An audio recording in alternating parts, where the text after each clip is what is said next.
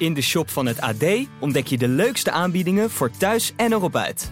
Ga samen op mini-vakantie, beleef dagjes en avondjes uit of scoort de gekke producten. Wacht niet langer en bezoek vandaag nog ad.nl/slash shop.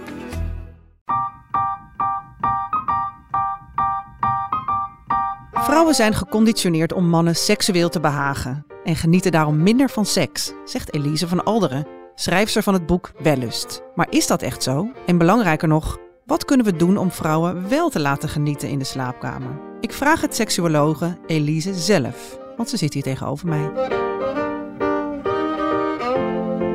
Heel veel mensen hebben in hun hoofd seks is gelukt als die man uh, dat orgasme heeft gekregen. En de man is er zelf vaak naar op weg, maar een vrouw ook.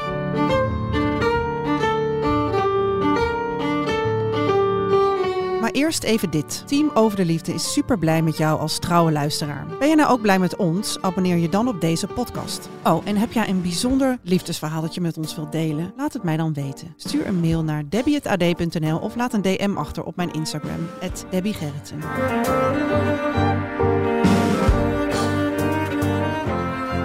Elise, welkom. Dankjewel, Debbie. Um, jij schreef een boek, Wellust. Goeie titel. Dank je. Ja, zeker. ja, bewust geko gekozen neem ik aan. Ja, klopt. Ja. Vertel. Ja, het is uh, wellust als een oud-Hollands woord voor lust. En wellust als tegenhanger van geen lust. Want vrouwen worden uh, neergezet als de helft van de mensheid uh, met geen of minder lust. En dat klopt niet. Dat is uh, niet inherent aan het vrouw zijn, maar dat is het gevolg van allerlei factoren in de samenleving die vrouwen weghaalt bij hun seksueel genot. Ja, dus jij zegt eigenlijk vrouwen genieten, uh, ja, genieten te weinig van seks. Of genieten, minder van seks. Wat, wat uh, minder dan ze zouden kunnen. Bedoel je dan dat vrouwen over het algemeen minder seks hebben of weinig seks hebben? Of dat ze gewoon minder goede seks hebben? Slechte seks hebben? Ja, ja, ik heb het eigenlijk nooit over goede of slechte of, of goede seks. Mm -hmm. Want dat zou impliceren dat het ook slechte seks is. Mm -hmm. Maar uh, seks die lekker is, waar ze van genieten, mm -hmm. um, die hebben ze veel minder dan ze zouden kunnen. Niet, ze hebben niet minder seks. Want er zijn juist heel veel vrouwen die wel seks hebben, maar niet uit hun eigen verlangen, maar omdat ze denken dat dat hoort. Of omdat ze zich onder druk worden ge voelen gezet door hun partner. Of zichzelf onder druk zetten. Van het is alweer te lang geleden. Uh, dus ze, er zijn juist, het is juist denk ik probleem dat vrouwen, uh, veel vrouwen, als ze seks hebben, er eigenlijk geen zin in hebben. En dus ook niet uh, seksueel opgewonden zijn. Mm -hmm. en, en hoe weet jij dit eigenlijk? Ja, uh, nou, goede vraag. Ik heb uh, een eigen praktijk waarin ja. ik uh, seksuele problemen bij vrouwen behandel. Ik ben wel begonnen met behandeling van koppels, maar dan bleven, bleven ze eigenlijk in het patroon zitten waarin ze altijd al zaten. Dat lukte niet. Uh, dus toen dacht ik, nou, dan ga ik me alleen op vrouwen richten, want die komen er op seksueel gebied veel uh, bekijder van af. En, en, en, wat zijn dan de, zeg maar, de door, de, de, dat, wat zijn de wat, wat zijn de klachten waar, waar vrouwen bij jou ja. voor aankloppen? De meest voorkomende aanleidingsklacht is minder of geen zin in seks. Mm. En daarna komt uh, pijn bij penis- en vagina-seks of moeite met orgasme. Um, dat zijn eigenlijk de, de meest voorkomende aanmeldingsklachten. En dit zijn vaak, dit zijn dan heteroseksuele vrouwen? Ik heb het meest heb ik vrouwen die seks hebben met een man, maar ik, uh, ik, ik heb ook wel eens vrouwen die seks hebben met een vrouw in, in behandeling. Ja. Dus daar, zijn, uh, daar zijn de, is de ongelijkheid ook aanwezig? Ja, ook die zijn ah, gesocialiseerd grappig. tot vrouw. Vaar, of ja, mm -hmm. die zijn gesocialiseerd tot vrouw. Uh, en, uh, want ik beschrijf ook in mijn boek de factoren die bijdragen aan dat gebrek aan genot. En dat is een gebrek aan kennis.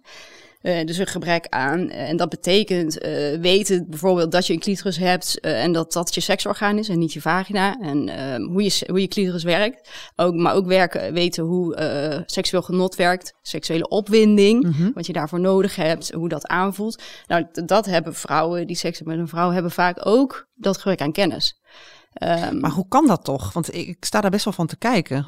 Ja, hoe, hoe, hoe, hoe kan het dat wij daar zo weinig van weten eigenlijk? Ja, um, ja um, ik denk dat dat een, uh, ik noem dat een clitorisverwaarlozing. En die is er eigenlijk overal. Die is er in de wetenschap, maar die is er ook uh, in partnerseks. Die is er ook bij vrouwen zelf. En die clitorisverwaarlozing is eigenlijk is, uh, is een bewust is een bewust iets. Het is een, een, een, censuur, want het is al wel veel langer bekend, maar het werd steeds, die kennis werd uit de boeken gehouden. En vrouwen hadden niet de zeggenschap en de positie om te mogen publiceren, om hun stem te laten horen. Uh, dat, hè, dat was voorbehouden aan mannen. En die hebben die, die kennis ook wel, uh, denk ik, moedwillig uit de boeken gehaald.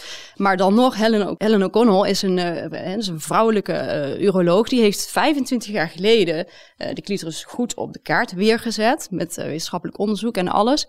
en toch staat het nu nog steeds niet in elk biologieboek. Uh, dus, 25, dus die krachten die zijn er nog steeds, ja. 25 jaar later. Ja, nou, we hebben hier een, uh, dat, dat kan de luisteraar niet zien, maar ik heb hier een heel mooi rode, een rode clitoris voor me liggen. Of de clitoris, hoe, wat is eigenlijk de clitoris, juiste ja. De clitoris.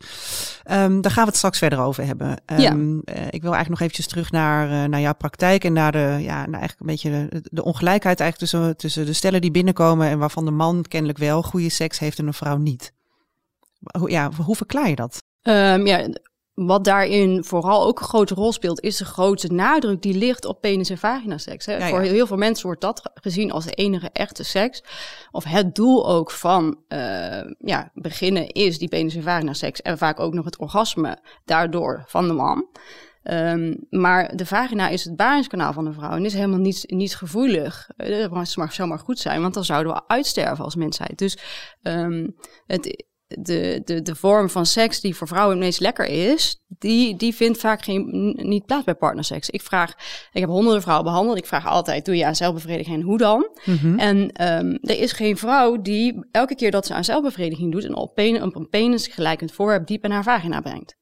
En, en, en mannen, nou ja, die, die bevredigen zichzelf door hun penis ergens in maar wacht even, te bewegen. Ik ga ja. even terug. Ja. Want Goed. jij zegt dat, er, dat de vrouw die, die masturberen niet gauw een, een, een dildo gebruiken. Ze kunnen het wel, ze gebruiken het, uh, ze kunnen het wel gebruiken, ja. maar niet elke keer dat ze aan zelfbevrediging doen. En ook niet dat Wordt ze dat dan gedaan? Zo, ja, nee, Nee. En ook niet dat ze het elke keer zo diep Nee, in hun vagina brengen. Dus um, als vrouw, de, en, maar dat zijn de vrouwen die ik gesproken heb, hè, maar dat zijn er wel uh, honderden. Die bevredigen zichzelf door hun clitoris aan de buitenkant vo- stimuleren. te stimuleren aan Ja. de voorkant. Nou ja, en mannen die bewogen hun penis uh, hè, in hun hand bij zelfbevrediging. En als je dan kijkt hoe heb je partnerseks, is het nog steeds gericht op stimulatie van die penis. En hoe kan dat dan? Dat komt omdat um, uh, mannelijk seksueel genot als belangrijker wordt gezien in onze samenleving. En hoe, hoe, hoe dan? Waarom dan? Hoe, hoe zijn we op dit punt gekomen? Ja, dat is een hele goede, uh, goede vraag. Mijn uh, denkbeelden daarover zijn dat vrouwelijke seksualiteit als gevaarlijk werd gezien voor, voor mannen. Uh, vanwege vaderschapsonzekerheid. Een vrouw weet altijd, dit kind is voor mij, want het komt uit haar lichaam voort. Een man weet het eigenlijk nooit. He, dus ook hoe goed een relatie ook is, een man zal toch vaak ergens een bepaald punt hebben van, is het wel van mij? Oh ja. Um, en daarom werd dat gevaarlijk en, en moest die vrouwelijke seksualiteit beperkt worden. En, en, en ja, dus we hebben het nu wel over eeuwen geleden. Eeuwen, ja, want het is al, dit is Mhm. iets van, dus wereldwijd en het bestaat al eeuwen. Ja, klopt. Ja, Ja. oké.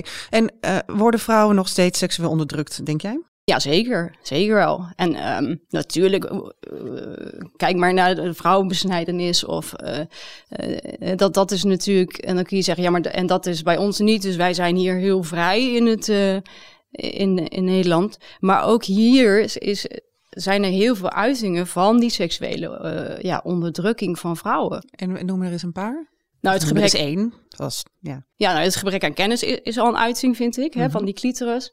Uh, maar ook allerlei mythes die uh, mannelijke seksuele superioriteit ondersteunen. En dus vrouwelijke seksuele inf- inferioriteit. Zoals, uh, ja, maar het is voor mannen, die hebben het gewoon nodig. Um, die hebben daar behoefte aan. Die, en die moet je als vrouw bevredigen. Um, seks is iets voor en door mannen. En voor vrouwen is het ook allemaal veel lastiger om opgewonden te raken en klaar te komen. Sommige vrouwen kunnen gewoon van nature niet klaarkomen. Of het is taak van een man om een vrouw uh, een orgasme te, uh, te geven. Uh, ook de enige echte seks is die penis- en vagina seks. Of penis- en vagina seks doet gewoon pijn. Um, dus er zijn, uh, of een vrouw hoort daarvan klaar te kunnen komen. Dus er zijn allerlei mythes die mannelijk seksueel genot um, ja, boven vrouwelijk seksueel genot stellen. Mm-hmm. En een andere belangrijke uiting daarvan, die ik ook in mijn boek, beschrijf, is de lichamelijke onvrijheid van vrouwen. Want er is dus van, uh, vanaf hun geboorte is er veel meer aandacht voor het uiterlijk en het lichaam van meiden. En nou, dat, gaat, uh, dat gaat van kwaad tot erger. Bij jonge kinderen is het uh, haren, schoenen, jurken. en als ze ouder worden, komen, daar, komt daar van alles bij. Sieraden, strakke blote kleding, make-up, hoge hakken, lingerie, cosmetische operaties, fillers, botox, nou, noem maar op. Mm -hmm. Borstvergrotingen. Ja, ja, ja. En dat komt er allemaal bij. En um, dat is ook een uiting van uh, uh, seksuele ondergeschiktheid. Want die, die object, dat is objectificatie. Ja, ja. En die gaat naadloos over in seksuele objectificatie. Ja. En dat is eigenlijk de boodschap dat het vrouwenlichaam er is om het mannelijk seksueel verlangen te stillen. Ah, ja. En dat zien we ook terug in de samenleving. Hè, prostitutie, playboy, mainstream porno, uh, lingerie.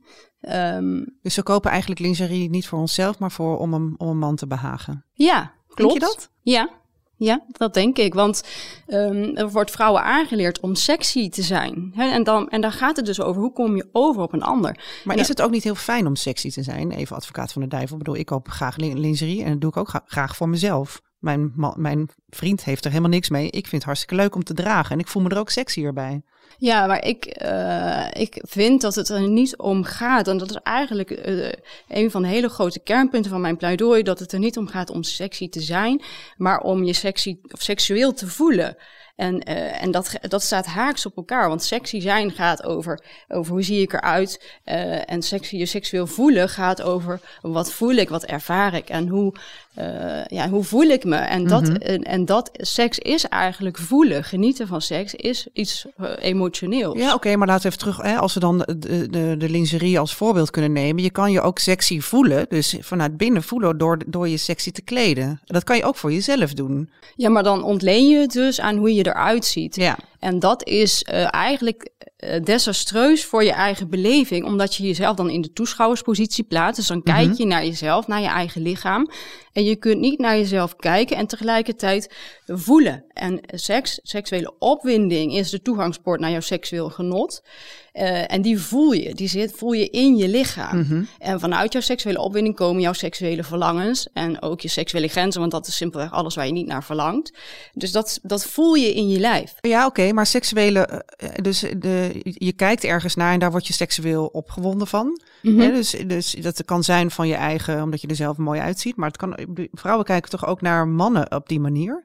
Je kan toch ook hè, door in een mooie man te zien, of een mooie borstkast of een mooie um, kaaklijn, worden vrouwen ook opgewonden? Ja, dat weet ik niet zo goed. De, die verhalen hoor ik niet. Oh nee? Nee, nee, nee. Ik denk dat objectificatie, uh, uh, ja, dan, dan gaat het niet meer om de persoon. Hè? Dan gaat het echt over, over een lichaam. En, um, en ik denk dat seksueel genot juist voorkomt uit een verbinding kunnen uitgaan, aangaan met iemand. Of in de eerste mm -hmm. plaats met jezelf. En van daaruit die opwinding voelen. Nee, zeker. Maar je, dat kan natuurlijk wel gestimuleerd worden door, doordat je mooie beelden bekijkt. Ja, uh, mo wel mooie. Ofwel van jezelf of van je partner. Dus dat hè, dan vice versa. Ja, wat bedoel je precies? Nou, dus, ik snap je punt dat je zegt, ja, je moet vanuit, je, hè, vanuit jezelf, vanuit je binnenste op, de seksuele opwinding voelen. Maar goed, Ja. dat kan gestimuleerd worden door, door een, een knappe man of een knappe vrouw waar, eh, waar je naar, naar kijkt. Ja, dat kan. Dat kan. Mhm. Als jij visueel geprikkeld wordt, kan dat een, Mhm. eh, eh, dat, dat kan ze opwinding opwekken. Maar dat is iets anders dan kijk je naar jezelf. Want dan Mhm. plaats je jezelf dus buiten jezelf. Ja, dus, dus je eigenlijk. ehm, ja, ja, je, je zegt eigenlijk dat de objectief, eh, objectificatie van vrouwen heeft. Eh, ja, heeft, dat, dat, is, dat is ontegenzeggelijk waar. Hè? Vrouwen worden ook veel meer als schoonheidsideaal neergezet dan, eh, dan, dan mannen. En, en misschien eh, zijn wij daar ook heel erg ons aan het conformeren aan het, aan het beeld. Maar dat draagt dus ontzettend bij aan de ongelijkheid tussen de lakens. Ja, Ja, ja, absoluut. Oké, Ehm, we gaan zo verder praten eh, over eh, een iets anders, de ontdekking van de eeuw, onze clitoris. Nee, de clitoris heb ik net geleerd, want die blijkt eh, wat groter te zijn ja, dan wij aanvankelijk dachten. Maar ik kan me zo voorstellen dat, dat je nu luistert naar dit gesprek en denkt, nou, ik heb wel een vraag. Hou je dan niet in? En stuur een bericht naar eh, debbie.ad.nl of een DM naar mijn Instagram. Dan nemen we dat de volgende keer mee. De luisteraarsvraag. Hoi Elise, waarom eindigen pornofilms altijd met een orgasme van een man? Nou, ik denk dat jij daar wel een antwoord op hebt. Vertel. Ja, Um, ja, dat klopt. Pornofilms uh, eindigen uh, met het orgasme van de man. En, maar dat is niet alleen in pornofilms, dat is ook in de meeste hetero of meeste seks tussen mannen en vrouwen. Omdat dat door heel veel mensen, zowel man als vrouw, als het doel van seks wordt gezien. Ja. Heel veel mensen hebben in hun hoofd seks is gelukt als die man uh, dat orgasme heeft gekregen. Mm. En de man is er zelf vaak naar op weg, maar een vrouw ook. Die vindt het belangrijker dat hij klaarkomt dan dat zij zelf klaarkomt. Mm -hmm. um, dus uh, het, het, komt terug in porno, maar het is vooral ook aanwezig uh, in, het, in het echte leven. Dus ze zijn heel erg afge, afgesteld op het genot van een man. Uh, komt een beetje op neer. Hè? Dus vrouwen zijn, wordt geleerd minder te genieten. En, en, en, het genot van een man staat eigenlijk voorop. Kijken wij allemaal met, met die male gaze? Kijken mannen en vrouwen daar zo naar? Uh, ja, allemaal durf ik niet te zeggen. Maar dat is wel hoe de samenleving uh, ja, mensen opvoedt. Mm -hmm.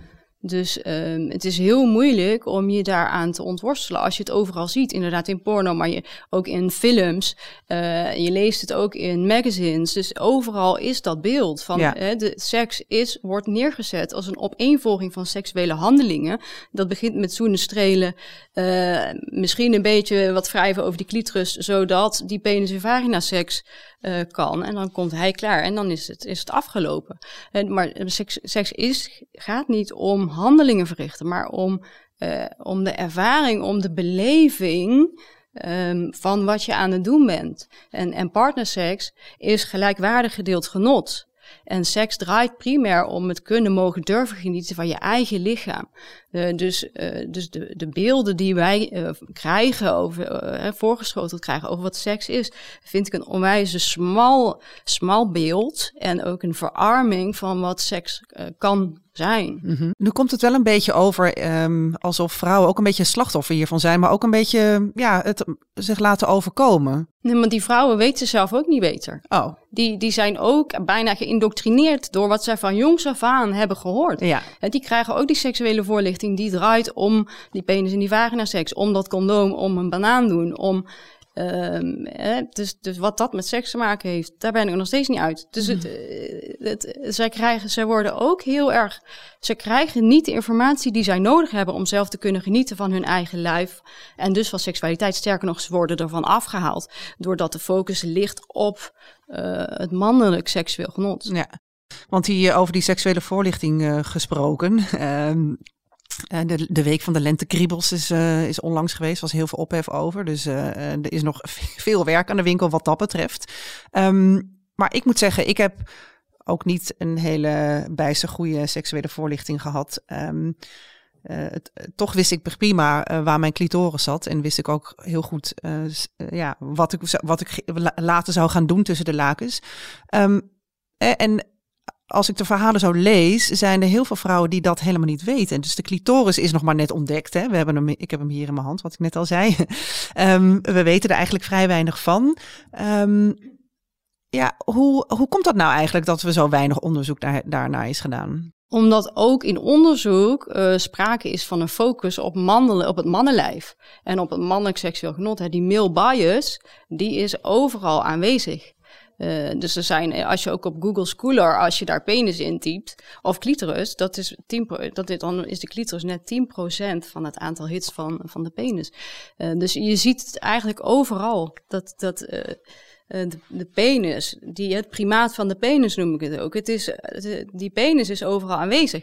Terwijl de clitoris, die ontstaat dus uit dezelfde voorloper. Dat is één gemeenschappelijke voorloper bij een baby in de buik van de moeder. En, en dus bij, um, ja, bij, de, bij de helft, nou ja, bij, nee, bij minder dan de helft van de mensheid, want er zijn natuurlijk ook intersexe personen. Maar bij een deel van de mensheid wordt dat een, uh, een, een balzak met een penis. En bij een deel van de mensheid wordt dat een vulva en een clitoris. Ja. En dat is precies het hetzelfde weefsel. Het doet hetzelfde, het werkt hetzelfde. En toch eh, is er ontzettend veel aandacht voor die penis. Kijk, eh, rij maar eens een tunneltje door. iedereen kan een penis graffiti of tekenen. En een clitoris herkennen heel veel mensen niet eens. Nee, of ze denken... moet, moet ik ook zeggen, het is ook visueel beter te tekenen. Want het ding hangt er nou eenmaal aan de buitenkant. En deze, wat ik hier in mijn hand heb, deze ja. clitoris, zit natuurlijk aan de binnenkant. Maar juist dus daarom is... zou er meer aandacht voor moeten zijn. Want als ik hem zo zie, hè, wat voor functies heeft de clitoris eigenlijk? Nee, dat is wel heel mooi. Het is het enige orgaan in het hele menselijk lichaam dat bedoeld is voor seksueel genot. Mannen plassen met hun penis en ze ejaculeren ermee. Mm en, en, vrouwen die hebben dus een orgaan puur en alleen voor seksueel genot. Dat is die clitoris. Ja. Alleen uh, weten heel veel vrouwen dat niet. Laat staan dat die clitoris ook nog wat goed wordt gebruikt. Maar ik vind dat toch onwaarschijnlijk. Wat vind je onwaarschijnlijk? Nou, hoe kan je nou niet weten waar je clitoris zit? Om, ja, omdat je dat nooit geleerd hebt. Of als je het geleerd hebt, heb je geleerd, ja, het is dat kleine ertgrote knopje tussen die. En dan wordt het ook nog schaamlippen genoemd. Hè? Dus dan, dan gaan we ook nog schaamte verbinden aan het vrouwenlichaam. Nee, oké, maar ik ken eigenlijk niemand in mijn vriendengroep, en ik zelf ook niet, die op een gegeven moment dacht: hé, hey, dat is een lekker gevoel. Daar, zit, bedoel, daar heb ik geen boeken voor nodig gehad om dat ding op te, vinden, op te zoeken. Ja, door, ook daarin worden veel vrouwen, dan heb jij geluk gehad. Want heel veel vrouwen worden ook daarin van jongs af aan uh, belemmerd.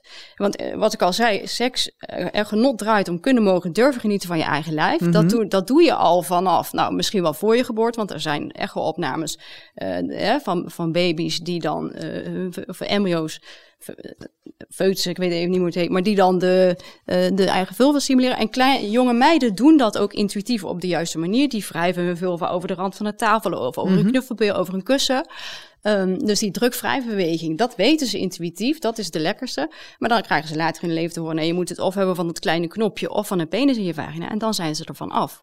Maar wat je ook vaak ziet is Maar die stap is best wel groot, want je leert dus, je zegt dus eigenlijk jonge kinderen weten het wel. En ik denk dat eigenlijk alle meisjes, nou ja, als ik zo om me heen vraag, ja, die weten heus wel het moment dat ze dat hadden gevonden. Masturberen.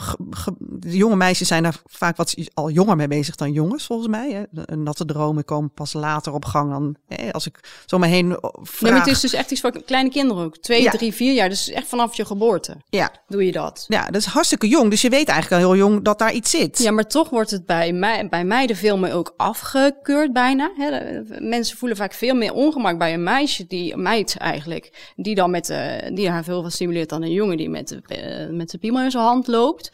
Dus ook daar worden vrouwen al veel meer in beperkt. Oh ja. Um, ik, ik heb heel veel vrouwen gesproken die nog nooit aan celbevrediging hadden gedaan. Maar hoe kan dat nou, Elise? Ja. Ja.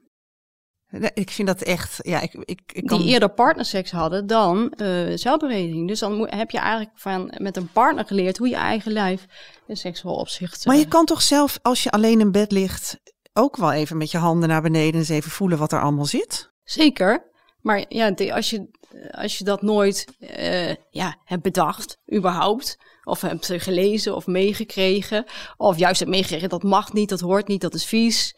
Hè, zelfbevrediging, dat doe je gewoon niet. Uh, ja, dan, dan voel je daar, want ook de vrouwen die ik spreek die het wel doen, voelen zich daar ook soms, die schamen zich daar wel voor hoor. Of die, uh, die denken, ja, ben ik nou niet raar bezig? Of die, ja, er zit oh, toch nog wel veel taboe en schaamte omheen. Grappig. Nou, ik heb, ja, gelukkig heb ik dat nooit zo ervaren. En ik, ik ja, ik moet ook eerlijk zeggen dat ik toch wel ook denk, hé, maar hoe is het mogelijk? Want je, uh, ja, ik, niemand wordt toch actief, hè, er wordt toch niet actief tegen vrouwen gezegd, daar mag je niet aan zitten.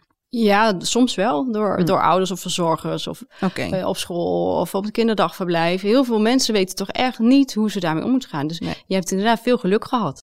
Maar goed, we hebben allemaal veel geluk, want we hebben de clitoris gevonden. en uh, staat nu wel in de, in de biologieboeken. Dus, ja, nog steeds niet allemaal dus. Maar... Dus ja, je hoeft het niet meer zelf, nee, op, zelf op zoek. Maar je kan er dus ook over lezen, ja. gelukkig. Ja. Je zou zeggen, nou, die orgasmekloof die is, die is zo gedicht. Ja, Um, ja, de, de orgasmekloof. Ja, dat is een mooi onderwerp. die is nog niet zo snel gedicht. Nee, nee want hmm. um, ja, die orgasmekloof is natuurlijk een symbool van heel veel. Daar komt eigenlijk heel veel in samen. Ja. En um, ten eerste draait seks niet om dat orgasme. Nee. Um, en gaat het om genieten. En gaat het erom zelf kunnen kiezen of je klaarkomt of niet. En die keuze die ontbreekt vaak voor vrouwen. Maar daarnaast zeg ik, ja, maar het gaat er eigenlijk niet om dat... Eh, waarom moeten vrouwen nou weer vaker gaan klaarkomen? Mannen zouden ook wel eens minder vaak kunnen gaan klaarkomen. Dan dichten we die kloof ook. Dus uh, dan wordt dus de man als standaard genomen van uh, dat orgasme hoort of uh, is ook het doel van seks. En dan komt er een bepaalde druk of prestatie bij.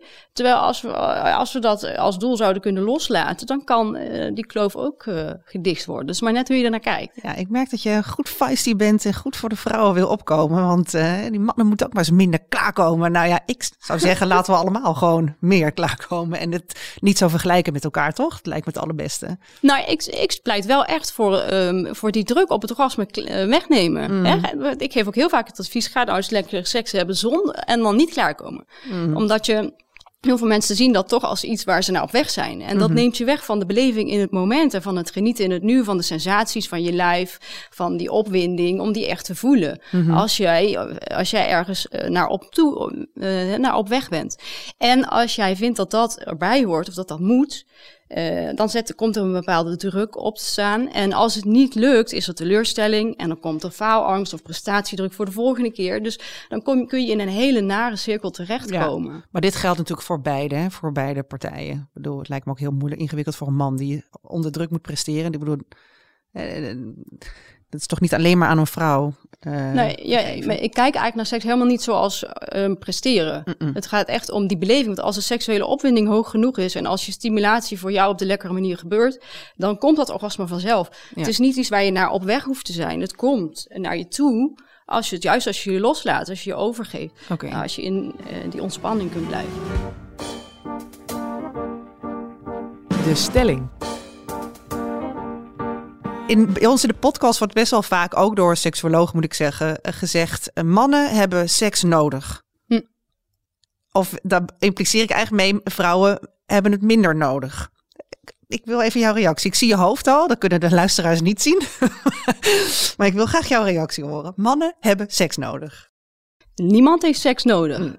Het is geen levensbehoefte. Absoluut niet. Nee, nee dat zijn de honger, dorst, uh, slaap zijn levensbehoeften. Als je dat in lange tijd niet doet, ga je dood. En dat is een, een, gevoel dat je wilt vervullen. Seksuele opwinding, seksueel verlangen, daar hoef je niks mee te doen. Dat mm. gaat verdwijnt vanzelf weer als je er niks mee doet. Juist de drang en de druk die nou ja, mensen en dan vooral toch weer mannen daarbij ervaren, die veroorzaakt problemen. Ja. Als, je, als je er niks mee doet, gebeurt, uh, verdwijnt vanzelf weer. En als je, als je geen seks hebt, zelfs als je, he, als je een hele lange tijd of je hele lange leven lang geen seks hebt, ga je niet dood. Nee. Dus het is oh. geen behoefte. Het is niet iets wat je nodig hebt nee. uh, om, te, om te leven. Dus, dus de, de, de, de mannen zijn jagers en vrouwen zijn whatever? Ja. Mythe? Mm -hmm. Ja, grote mythe. Ja. Ja, je, eh, seksualiteit werkt precies hetzelfde bij elk mens. En ik vind juist door te zeggen dat er twee soorten uh, bestaan op seksueel gebied, die totaal van elkaar verschillen, juist dat is toch een recipe voor problemen. Ja. Als we er nou gewoon van uitgaan dat het allemaal hetzelfde is. Oké, maar laten we eens even lekker wat mythes gaan doorprikken hier. Want uh, ik denk dat toch veel mensen wel denken, ja, mannen en vrouwen hebben ander soort seks of hebben ander seks. Maar jij zegt eigenlijk, nee hoor, het is precies hetzelfde. Ja, het Ervaren is feitelijk precies hetzelfde. Nee, ja, nou ja, de ervaring, dat, dat weet ik niet. Dat is voor iedereen maar... uh, anders. Maar het, het werkt gewoon, hè, want bijvoorbeeld spontaan, heel veel mensen denken, ja, maar mannen krijgen spontaan zin in seks. Dat bestaat niet. Zin in seks is een gevolg, is een verlangen actie te verbinden aan je seksuele opwinding. Seksuele opwinding ontstaat uh, als reactie op een, seksueel, een prikkel die voor jou seksueel is. En dat is bij man en vrouw gelijk, die prikkel. Dat komt vanuit hetzelfde voort. Ik bedoel meer te zeggen... Dat mannen, mechanisme. Maar ma ja, mannen hebben niet uh, een hogere seksdrive omdat ze zich moeten voortplanten. Nee. Nog zo'n mythe. Ja, nee, dat is absoluut niet waar. Nee, het is, uh, er is een seksuele prikkel en daardoor ontstaat seksuele opwinding. En daar kun je wel of niet beslissen iets mee te doen. Zo, zo werkt het. En, ja. wat, en welke hard, het is wel fijn dat we even wat mythes gaan doorprikken, want uh, dat vind ik altijd heel lekker. Eh, welke hebben we nog meer? Dat je denkt, nou, dat moet ook eens even uit de wereld geholpen nou, dat worden. testosteron zorgt voor zin in seks. Dat is ook, uh, dat is je reinste onzin. Seksuele opwinding zorgt dus voor mm -hmm. zin in seks. En testosteron wordt het mannelijk geslachtshormoon genoemd, maar dat is heel erg misleidend, want het, het is een hormoon, het is wel belangrijk in die zin dat het boven een bepaalde hoogte moet zijn. Wil je gevoelig zijn voor seksuele prikkels, maar dat geldt zowel voor mannen als voor vrouwen.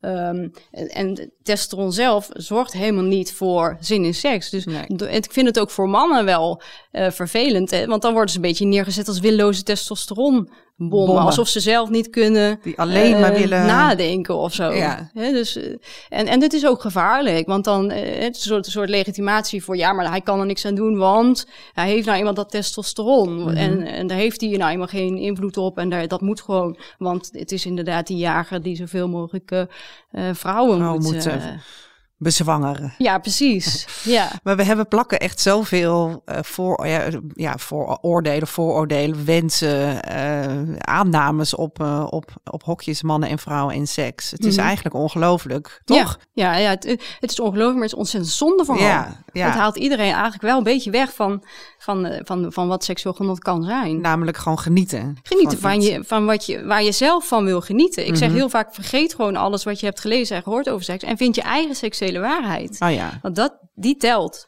Maar het is heel moeilijk om met eh, zoveel aannames, waarin, waar we allemaal in een wereld en een maatschappij waarin ja, die aannames gewoon de echte in worden geramd. Klopt. Uh, om, daar, om dat los te laten. Hoe ja. doe je dat nou? Hoe, hoe, hoe gaan we dat nou leren? Ja. Dat echt los te laten? Ja, ja, dan, dat, is, uh, dan zou ik bijna zeggen, hè, lees mijn boek. Want lees daar, is, daar nou. staat het allemaal tot in. Want willen we dit uitroeien met wortel en tak, uh, mm -hmm. um, zal het tot in de essentie uh, eerst beschreven moeten worden. wat nou precies het pro de problemen zijn.